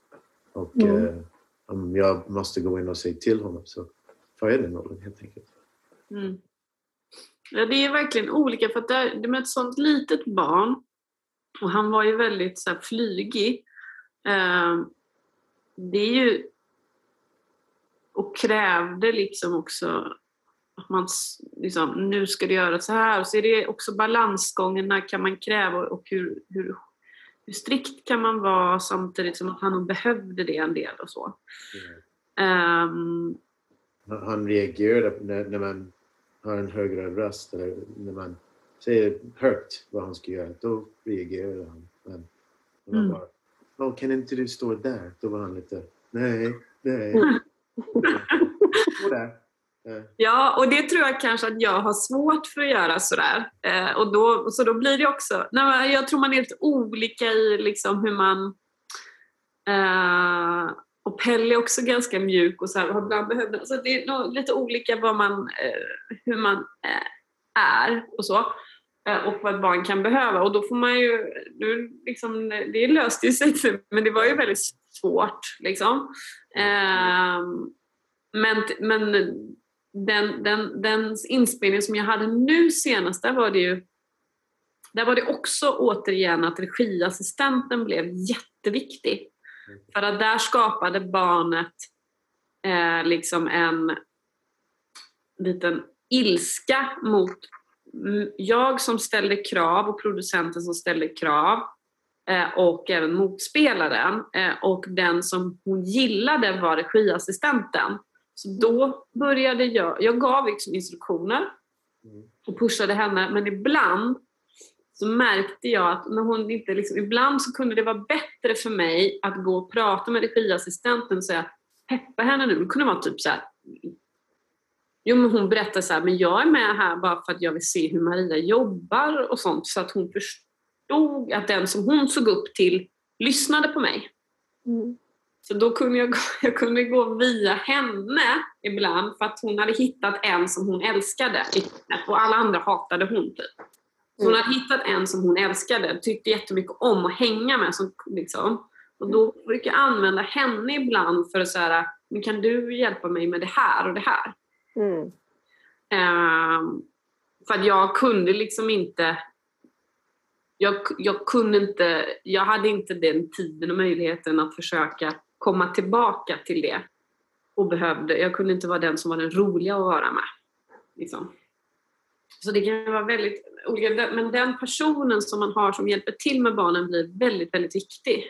Um, då tänkte jag på eh, arbetet med fotografen. För på, på Ostart Story så hade vi Erik som är väldigt mjuk och trevlig och tyst och sådär. Han är så otroligt bra på handkamera och kan vara närvarande hela tiden i eh, spelet. Så att jag behövde liksom inte, han visste ju vad vi ville ha för känsla och vad för typ av bilder. Så när det var så här scener där Douglas går iväg två meter och glömmer bort att spela, jag bara men gå tillbaka och så säg den här repliken. Så när Douglas var inne i det, alltså ändå så kunde Erik följa hela tiden i emotionerna. Så han var hela tiden, alltså när han gick över till den andra, fastän det var så liksom uppbrutet i känslan, så var han i känslan när de var i känslan. Eh, Och det blir ju jätteavgörande att det inte är så här, nej det måste vara på det här sättet, utan han är ju extremt följsam. Och eh, liksom bara plockade bilder hela tiden. Och, liksom nu, och så backade han bak och så tog han en vidarebild. Alltså, han, var, han är så erfaren och väldigt, väldigt följsam eh, och inkännande som person och det känns av i fotot. Och det kändes väldigt viktigt här. Och, men sen rent så allmänt alltid när jag jobbar med foto, jag föredrar att jobba med de som är ganska inkännande eh, eftersom jag inte själv pekar med stora hand. Alltså jag är inte såhär, nu ska jag ha den linsen eller nu ska jag... Alltså jag, jag är ganska inkännande själv eh, och föredrar då en fotograf som typ när, ser när man tänker på något och inte liksom hoppas att man inte ska säga någonting om det utan säga, är det något du tänkte på Maria? Så. Sån är ju Erik och det tycker jag är väldigt eh, bra. Alltså, både jag och Erik är ganska så här jättekoncentrerade på plats. Men att försöka peppa emellan och sen använda sin regiassistent att ta hand om... Alltså man kan ju inte gå och hänga med barnet emellan hela tiden för att peppa, hålla uppe energin.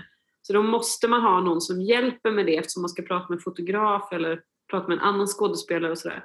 Så att, eh, men att försöka att ge så mycket positiv energi som möjligt men ändå ha, vara lite bestämd. Det är väl en utmaning. Och sen blir det väldigt viktigt att lära sig eh, vad man verkligen behöver. Man kan liksom inte få extra grejer. Som i somras igen då när jag hade en, där kunde man typ ta fyra tagningar. Jag kan liksom inte ta två till bara för att det skulle vara kul att se vad som händer. Utan man måste ju vara väldigt så här, okej okay, men nu har jag det jag behöver så nu går vi vidare. Så man sparar på tiden. Eh, och försöker att vara ganska Eh, man måste nästan vara... Det, jag var väldigt osäker på när jag kom från inspelningen om jag skulle kunna klippa ihop det. För att jag kände att det är väldigt svårt att få en överblick när man rullar och sen så plockar repliker här och där och få en överblick vad man verkligen har. Men det går ju inte att göra hela scener så att man känner att nu satt scenen. Det, det funkar liksom inte med en sjuåring. Utan det är klippa och klistra. Och att ändå försöka och så här, nu tror jag, men nu har jag det nog. Nu kommer det gå. Så. Uh, uh. Men, men ge så mycket positiv respons som möjligt. Hon tjejen där förra sommaren, hon behövde väldigt mycket positiv energi och att veta att hon var duktig. Så jag kunde hamna i typ säga så att du är en av de duktigaste eller liksom mest resursstarka barn jag någonsin har jobbat med. Alltså sånt där, hon behövde typ det. Så då fick jag säga sånt. Jag har ett par frågor. Och, eh, jag tyckte det var så intressant det här i uppsatsen om energier, att allt är energier. Ehm, och då funderar jag på, eller har du några tankar Maria kring hur, om och i så fall hur barnen påverkades av de olika inspelningsplatserna? Om det bidrog till att förstärka eller kanske var försvårande för de sinnesstämningar och konflikter som skulle gestaltas? Mm, alltså,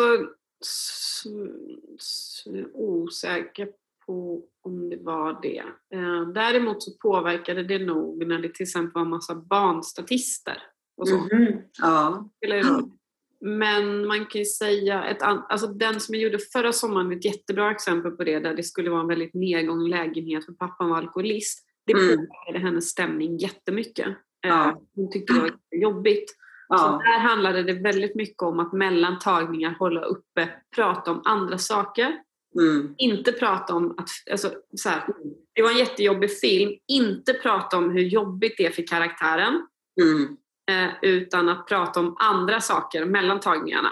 Ja, just det. Eh, och hon fick typ, när det var längre, tag, längre pauser fick hon gå och ta av sig sin kostym för att inte liksom vara i karaktär hela tiden.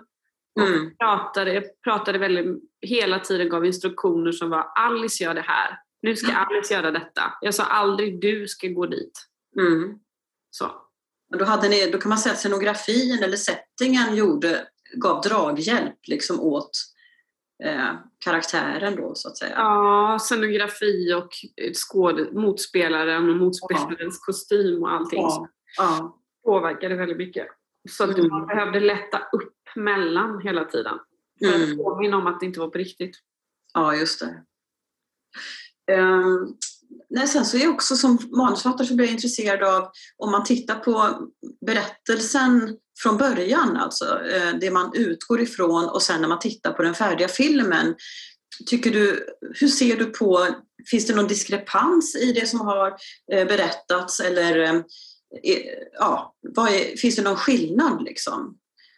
Beroende på att ni har fått skriva om, ni har anpassat er efter barnens förutsättningar. Och, ja, och kanske, man, ja. Man, kan väl, man, kan väl, säga att de gångerna när jag har jobbat, om man ska vara lite krass, och så här, de gångerna när jag har jobbat med vuxna professionella skådespelare så tycker jag alltid att eh, spelet och filmen blir ännu bättre än vad det var skrivet.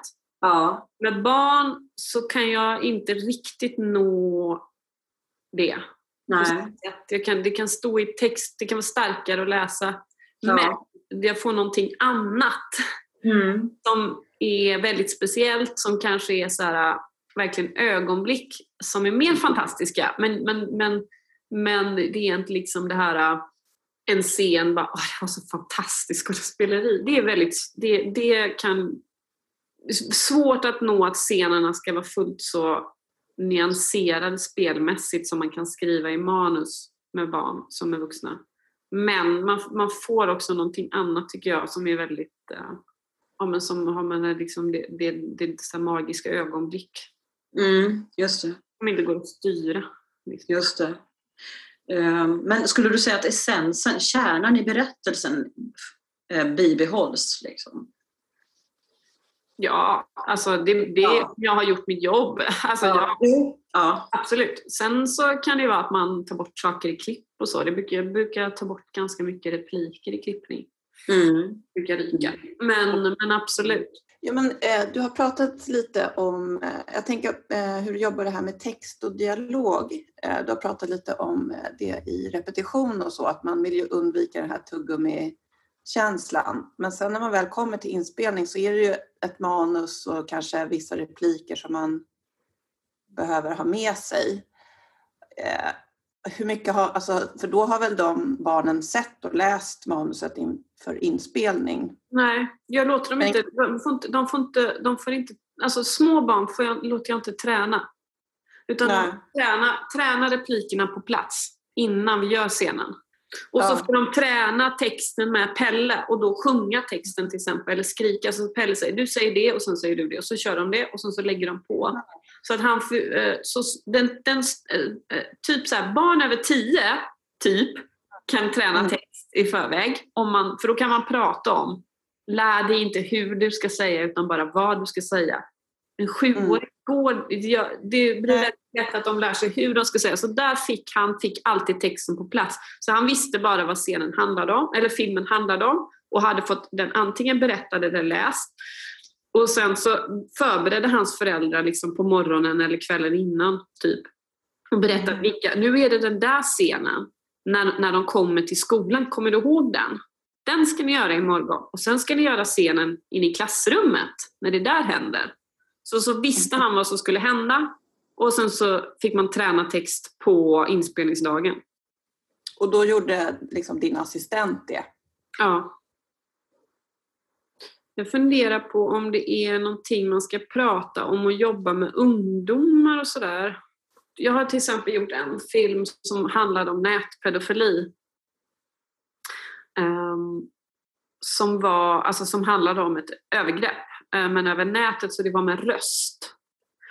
Och då var det en, hon var nog 12 eller 13 som skulle spela.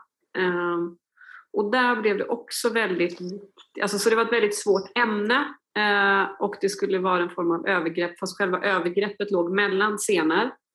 Ehm, men det var liksom, man, hon behöver veta vad nätpedofili är och så. Och där blev det också i castingen väldigt viktig dialogen med föräldern. Eh, och att känna av liksom hur jobbigt den här barnet tycker att det är. Ehm, och att man väljer en mot... alltså att hon fick spela mot en motspelare som känns bra med. För att det var ändå rösten som skulle, även om de inte skulle spela så mycket ihop så var, eh, eh, liksom, skulle de göra scenen fast över ljud. Men, och där castade en tjej vars mamma var skådespelare. Och hon hade, hon hade spelat lite förut. Så, där var det, så hon hade en väldigt god förståelse för att eh, det var liksom det, hon skådespelade. Att, eh, att, det, att det liksom, hon, hon, hon hade en väldigt bra förförståelse för, det- förståelse för det. Och där var det faktiskt att, jag, att det var så med henne att hon verkligen tyckte det var roligt att bli utmanad emotionellt att spela. Så fastän det var väldigt jobbiga scener på plats så var hon så här, så kan vi inte spela in en till scen? Så gick vi ut och filmade en grej på balkongen bara för att hon tyckte att det var... Eh, hon tyckte om att få göra svåra saker. Eh, Och mamman spelade mamman i, henne, i filmen också. Eh, och jag kunde ha en bra dialog med mamman så mamman sa, för hon var, verkade väldigt blyg först, så jag var lite så osäker på hur mycket jag kunde pusha men mamman sa att du behöver inte vara så rädd för hon är starkare än vad man tror. Liksom. Så den dialogen där återigen med mamma, alltså föräldern blir väldigt viktig. Eh, och liksom ha både dialog med föräldern där barnet är med och själv med föräldern och kolla av så här, hur, hur känns det, hur har ni pratat om ämnet, vad tänker du om, om det? Liksom. Så. Och på inspelningen då att vi var ganska få på plats. Eh, vi var bara jag, foto och ljud typ i rummet. Eh, och så var B-foto satt i trappen ner och så. Eh, och att man, när det är så svåra scener, de ska visa lite hur, att man förklarar väldigt tidigt hur det ska gå till. Så att hon liksom eh, hon skulle ha på sig en bikini under men vi tog av, klippte av banden här och så klistrade vi fast och sen hade hon byxor. Alltså så, att hon, så att allt sånt där blir väldigt, väldigt tydligt hur det ska gå till. Um, när det är sådana svåra scener med unga. Och att man liksom inte vis, vi visade ingenting för att visa utan när hon tog av sin tröja för honom då i kameran så kom kameran närmre. Uh, och hon var liksom klädd här men det gav intryck av... Alltså, allt sånt där, liksom, hur man ska göra vissa saker blir väldigt viktigt att prata tidigt också. För att det kan skapa massa... Eh, får jag fråga en sak angående den där filmen som är helt fantastisk faktiskt. Om ni inte har sett det så kan jag rekommendera den. Den är en fantastisk kortfilm. Men du hade ingen intimitetskoordinator vad jag förstår då? Nej, det var innan man hade... innan. Ja, innan den fanns i Sverige överhuvudtaget. Men, men tycker du att det är viktigt att ha en intimitetskoordinator överhuvudtaget? För att jag tänker att barn kanske har svårt att uttrycka sina känslor om Alltså de behöver kanske det här rummet där det är alltid tillåtet och, och så. Ja, man kan ju säga alltså de filmer jag har gjort där det har varit liksom svårare saker, alltså jag har gjort med 19-20-åringar, sexscener och det har också varit svårt på sitt sätt. Eh, det jag har gjort var att jag egentligen utbildade mig själv så jag jobbade så som en intimitetskoordinator jobbar. Har jag förstått nu när jag har gått ja. i, i det. Så det är egentligen så som jag har gjort då. Eh, men, men nu när det finns och det, det verkar jätteskönt för att det kan man dela det ansvaret. För det är ett väldigt stort ansvar som tar väldigt mycket energi eh, att tänka på. Liksom, är det, känns det här bra? Är det här säkert? Är liksom så. Eh, och det, jag tänker att det är väl jätte, jättebra att jobba med, framförallt för regissörer som kanske inte har kunskap om det från början, hur man ska regissera intima scener. Jo, det här med föräldrar på plats och så, kanske ja. tankar kring. Ja, det bästa är om man inte har dem där, eh, utan att de är i närheten. Eh, så att om, eh, liksom, om, med större barn så behöver de kanske inte ens vara i närheten, men med mindre barn att de är liksom en bit i ett, ett hus i närheten. Ehm, men det beror, som den här andra filmen då som, som, som var så svår, där var det liksom, det gick inte om inte föräldern var i närheten. Så att man måste, men, men helst inte. Alla andra gånger har jag inte haft föräldrar på sätt. Uh, ja, uh, apropå eh, föräldrar så lutar jag lite på när man har uh, krävande eller intima scener, hvordan går du fram når, når på en måte introduserer du det i samtal med foreldre um, for å ikke skremme dem bort men samtidigt också eh, sörja för att ha det 100% på lager. Jag tror att det är bra faktiskt om föräldrarna får läsa manus så tidigt som möjligt så man inte ödslar en massa tid och energi och hittar ett barn man jättegärna vill ha och så, vet, så är det en film som de inte känner att kommer funka för det. De känner ju sina barn så pass väl så att de borde kunna Eh, Eh, om de läser barn som bara det här är inte lämpligt för mitt barn. Ehm, ja, och när det har varit jättesvåra saker, då har vi gjort det. Till exempel gjorde jag med mobbning som var en jättesvår scen. Fick föräldrarna läsa i förväg och då var det någon som sa ja, men mitt barn kan inte vara med om detta för det är ett övergrepp i sig. Medan jag vet om det är någon som har den erfarenhet och förstår det så kommer det inte bli det för då kan vi jobba. Men, men om, om föräldern känner så då ska inte det barnet vara, då ska inte det barnet vara med. Ehm, det är inte lämpligt. Liksom. Så jag tror att det är bättre att de får läsa så tidigt som möjligt så att de vet och kan ta ställning till om de ens vill provfilma för det. Eh, eller att man ger dem ett synopsis. Eh, men jag brukar också säga typ så här, jag har jobbat mycket med barn. Eh, det som är läskigt i manus behöver inte alls vara så läskigt när man spelar in det. För att det är ett team där och, vi, och jag jobbar också mycket med att förbereda barnet. Och så brukar jag skicka filmer jag har gjort. Eh, så jag, och så här, men jag har skrivit om det. här. Så, att, så att jag låter dem läsa som kan ta ställning men jag förklarar också att jag har erfarenhet av det så att de vet om att det är, så här, det är inte en person som aldrig har jobbat med barn som ska göra jättesvåra grejer. Eller när jag gjorde skolstart ja, men jag har en mentor som är jätteerfaren som jag har dialog med. Pelle kommer vara med på plats och hjälpa till. Alltså att man förklarar lite vad, på vilket sätt det kommer vara en säker miljö. Men att de ändå får läsa manus och ta ställning till om de vill att barnet ska delta i det eller inte. Mm. Så jag tror man ska vara så ärlig och transparent som möjligt faktiskt. Vill du också på något sätt i ett casting call eh, allerede där på något måte eh, uttrykke att det är en krävande eh, rollen? Eh, alltså när man annonserar ut. Mm. Då brukar casten skriva typ så här, det här handlar det om. Vi söker en tjej i den här åldern och så får de höra av sig. Eh, liksom. Men då stod det ju så här, det här som det senaste handlar om Alice som tar hand om sin pappa som har, mamman har dött och pappan är alkoholist. Alltså det står ju de, och sen så lite mer målande då, men det står ju ändå de ingredienserna som och hon ska försöka rädda relationen när hon ska till socialtjänsten. Alltså så att det står ändå vad det handlar om. Men jag skriver inte så här, det här är en jättekrävande roll som kommer vara jättejobbig att göra. Det tror jag är bättre för de ju läsa och så får de avgöra hur jobbigt de tycker att det är. Liksom. Eller svårt. Eh, jag funderade på om du har eh, haft någon typ av debriefing med dina barnskådespelare i efterhand, om du har följt upp dem efter projekten, kanske efter de har sett den färdiga filmen, om hur det har varit och haft någon sån sorts... Ja, det är en väldigt bra fråga faktiskt. Jag har haft kontakt med dem. Vad tänker så här? Ja, jag, har, jag har haft kontakt med både föräldrar och sen så har jag träffat barnen när de har varit inne eh, och gjort, gjort eftersynk och eh, när de har varit och tittat på filmen, varit och sett den färdig och sådär. Som skolstart så hade jag ganska mycket, jag hade liksom kontakt med dem i något år men jag har inte så här, satt mig ner och haft möte, hur, gick, hur kändes det här, känns allt okej? Okay? Inte bara så, men jag har haft en kontinuerlig dialog liksom ganska lång tid. Ja, och så hört av mig och sagt nu visas filmen så här och så, så har föräldrarna hört av sig kanske vi skulle vilja komma i kontakt med castare, känner du någon? Med, med, så att, ja, på det sättet. Uh, så jag har träffat dem efter.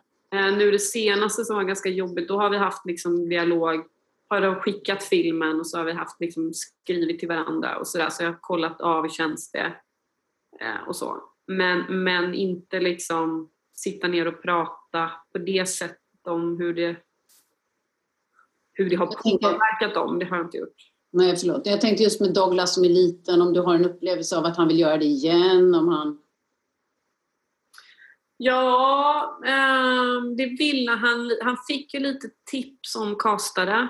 Ehm, och så. Men jag tror inte att han tyckte det var tillräckligt kul för att jag tror inte han, eller kanske när han är äldre, men, men där i den åldern tror jag inte egentligen att det var så. Jag tror, han blev sugen på det något år senare igen och då gav jag lite kontakter och sådär. Så det var inte liksom helt nej, men jag tror det var ändå så pass krävande för honom. Jag tror att han var lite liksom, det var inte tillräckligt roligt för att han skulle liksom hålla på med det mycket. Tror jag. Mm. Så ja, lite kontakt, absolut. Det blir, det, blir, det blir ju det, att man har kontakt efteråt. Ja, får jag ställa en fråga? Jag undrar om, om det finns något dokument med liksom någon checklist så här, som du kan rekommendera om du har något sånt själv. Uh, Alltifrån stora till små saker. Uh, och sen undrar jag om det finns Någonting som jag tänkte på nu var, det skulle vara intressant om det fanns någon slags utbildning för barnskådespelare, om man kunde skicka dem på liksom en bootcamp en dag så där, där de får lära sig liksom, inte titta i kameran, eh, vad, de, vad som krävs av dem och vad som inte krävs av dem, hur de kan avsluta om de känner sig obekväma. Alltså allt i princip som, som de lär sig under en inspelning. Som Nej, jag tänker att det är det som blir regissörens arbete, att lära dem, eh, förbereda dem för det. Um, eller, ja, att, eh, eller tillsammans i samarbete med någon. Um, men apropå checklistan, nej det har jag inte blivit. Läs, du kan läsa uppsatsen om du inte har gjort det. Där står ju några punkter. Sen jag skrev ju den för att det finns väldigt lite skrivet om. Jag hittade liksom ingen så här, så här regisserade barn framför, framför kameran. Utan det var mest om att regissera barn i teaterpjäser och så. Eh, barnteater och, och det är ju någonting annat. Eh, det är ju inte ett team på det sättet och sådär. Så att, Ehm, men om, överhuvudtaget om man ska läsa mer om personregi, för det är vissa verktyg som verkligen är samma, eh, så skulle jag rekommendera alla att läsa Directing Actors av Judith Weston. Både den första och sen hennes fortsättningsbok som heter The Film Directors Intuition. Båda de, de, de metoderna hon tar upp, jag har typ testat allt det där och så har jag tagit ut det som jag själv tycker är bäst. Uh, nu, inte de här liksom knepen med barn, hon skriver väldigt lite om barn Eh, och amatörer. Men liksom själva regiverktygen, de, de är liksom... Man vill läsa en bok så ska man läsa den. Tycker jag. De är helt fantastiska. Eh, jättebra. Eh, så det är väl min liksom, rekommendation nummer ett. Nu hann jag inte skriva upp det. Vad sa du att den hette? Judith Weston heter författaren och hon, den första boken heter Directing Actors och fortsättningsboken heter The Film Directors Intuition. Och den handlar väldigt mycket om manusanalys och, och eh, regiförberedelser, eh, repetitionsarbete. Alltså den är, väldigt, den är fördjupande på ett jättebra sätt. Jag har använt mig väldigt mycket av de två veckorna. Lycka till nu! Och det är jättejobbigt att jobba med barn men det är också väldigt kul. Det blir väldigt speciellt när det blir bra tycker jag.